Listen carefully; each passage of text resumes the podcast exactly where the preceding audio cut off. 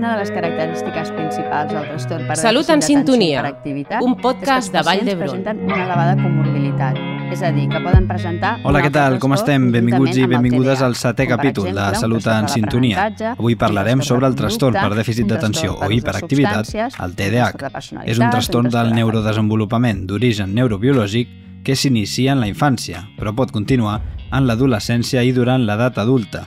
Els pacients amb aquest trastorn poden tenir dificultats per mantenir l'atenció, poden ser hiperactius i inquiets i poden actuar de forma impulsiva.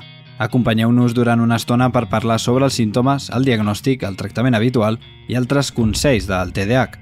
Comptarem amb veus especialitzades de l'Hospital Vall d'Hebron, la doctora Vanessa Ricarte, psiquiatra i coordinadora del programa de TDAH, i la Maria Ángeles Torrecilla, infermera d'urgències de psiquiatria.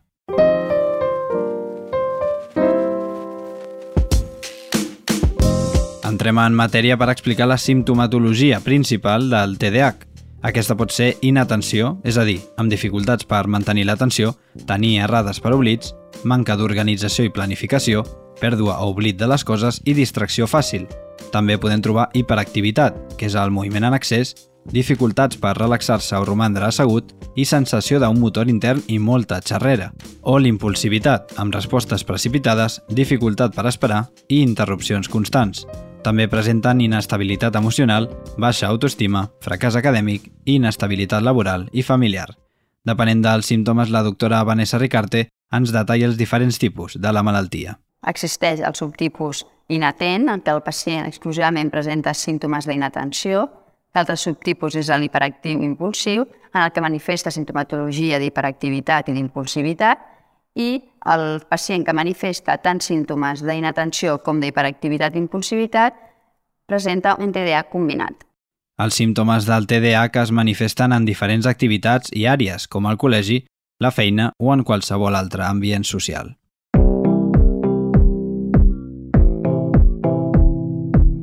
A qui afecta la malaltia? Doncs la prevalença del TDAH se situa en termes generals al voltant d'entre el 3 i el 7%. El 60% dels nens amb TDAH continuaran tenint símptomes clínics durant l'adolescència i en l'etapa adulta. El TDAH és més freqüent en el sexe masculí que en el femení entre la població general, amb una proporció de dos homes per una dona. El sexe femení té més tendència a presentar principalment inatenció. Cal tenir en compte que el TDAH pot conviure amb altres trastorns, com ens assegura la doctora Vanessa Ricarte. Una de les característiques principals del trastorn per dèficit d'atenció i hiperactivitat és que els pacients presenten una elevada comorbilitat, és a dir, que poden presentar un altre trastorn conjuntament amb el TDAH, com per exemple un trastorn de l'aprenentatge, un trastorn de conducta, un trastorn per ús de substàncies, un trastorn de personalitat, un trastorn afectiu. I si parlem del diagnòstic, doncs podem assegurar que és clínic. És necessari realitzar una adequada anamnesi clínica, que és l'entrevista inicial amb el pacient, per part d'un professional sanitari especialitzat. Es disposa de diferents entrevistes diagnòstiques i escales per a valorar la gravetat dels símptomes o trastorns comòrbits associats, a més de proves neuropsicològiques que avaluen les dificultats atencionals i la disfunció executiva que presenta el pacient.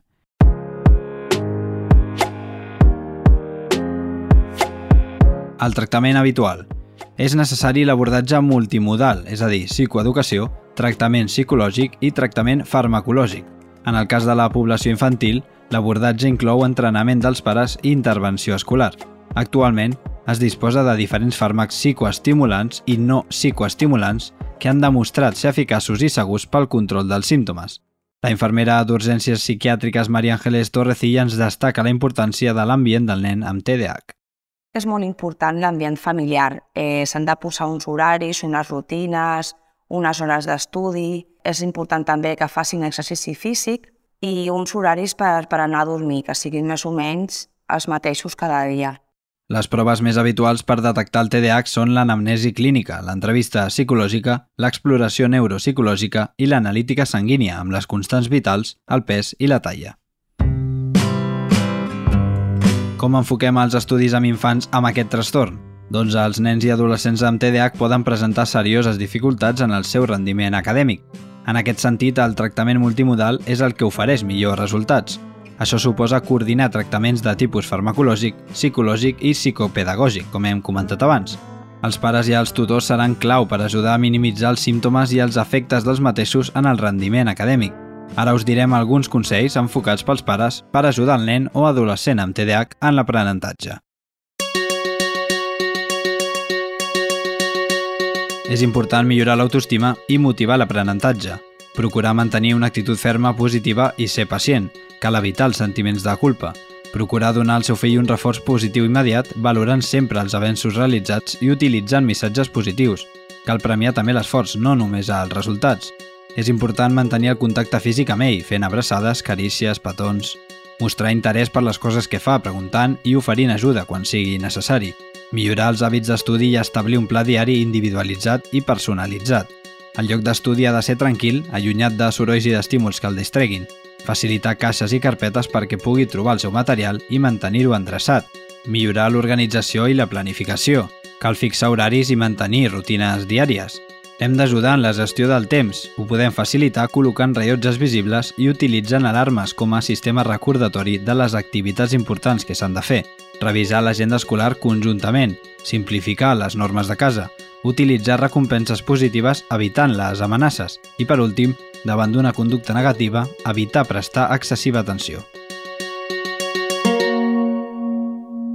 Per tancar les aportacions d'avui, la doctora Vanessa Ricarte ens detalla com evoluciona el trastorn amb els anys.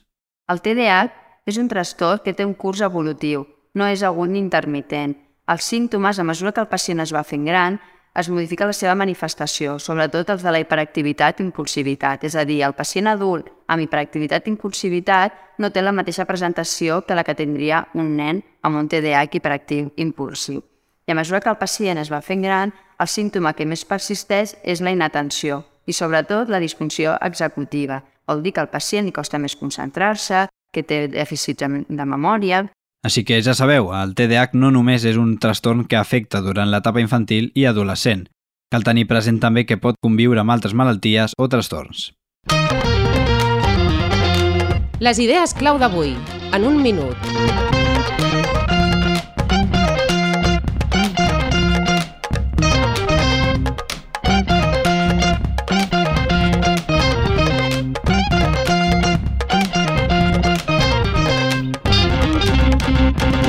TDAH és un trastorn del neurodesenvolupament d'origen neurobiològic que s'inicia en la infància, però pot continuar en l'adolescència i l'edat adulta. Els pacients amb aquest trastorn poden tenir dificultats per mantenir l'atenció, poden ser hiperactius i inquiets i poden actuar de forma impulsiva. El diagnòstic és clínic i es disposa de diferents escales per valorar la gravetat dels símptomes i la presència de trastorns comòrbits associats. És necessari l'abordatge multimodal que tracta de psicoeducació, tractament psicològic i tractament farmacològic. En el cas de població infantil, l'abordatge inclou entrenament de pares i intervenció escolar. A nivell acadèmic és important tenir en compte tots els apartats que hem comentat a la llista anterior, com motivar l'aprenentatge, donar reforços positius o mantenir uns hàbits d'estudi en un ambient tranquil.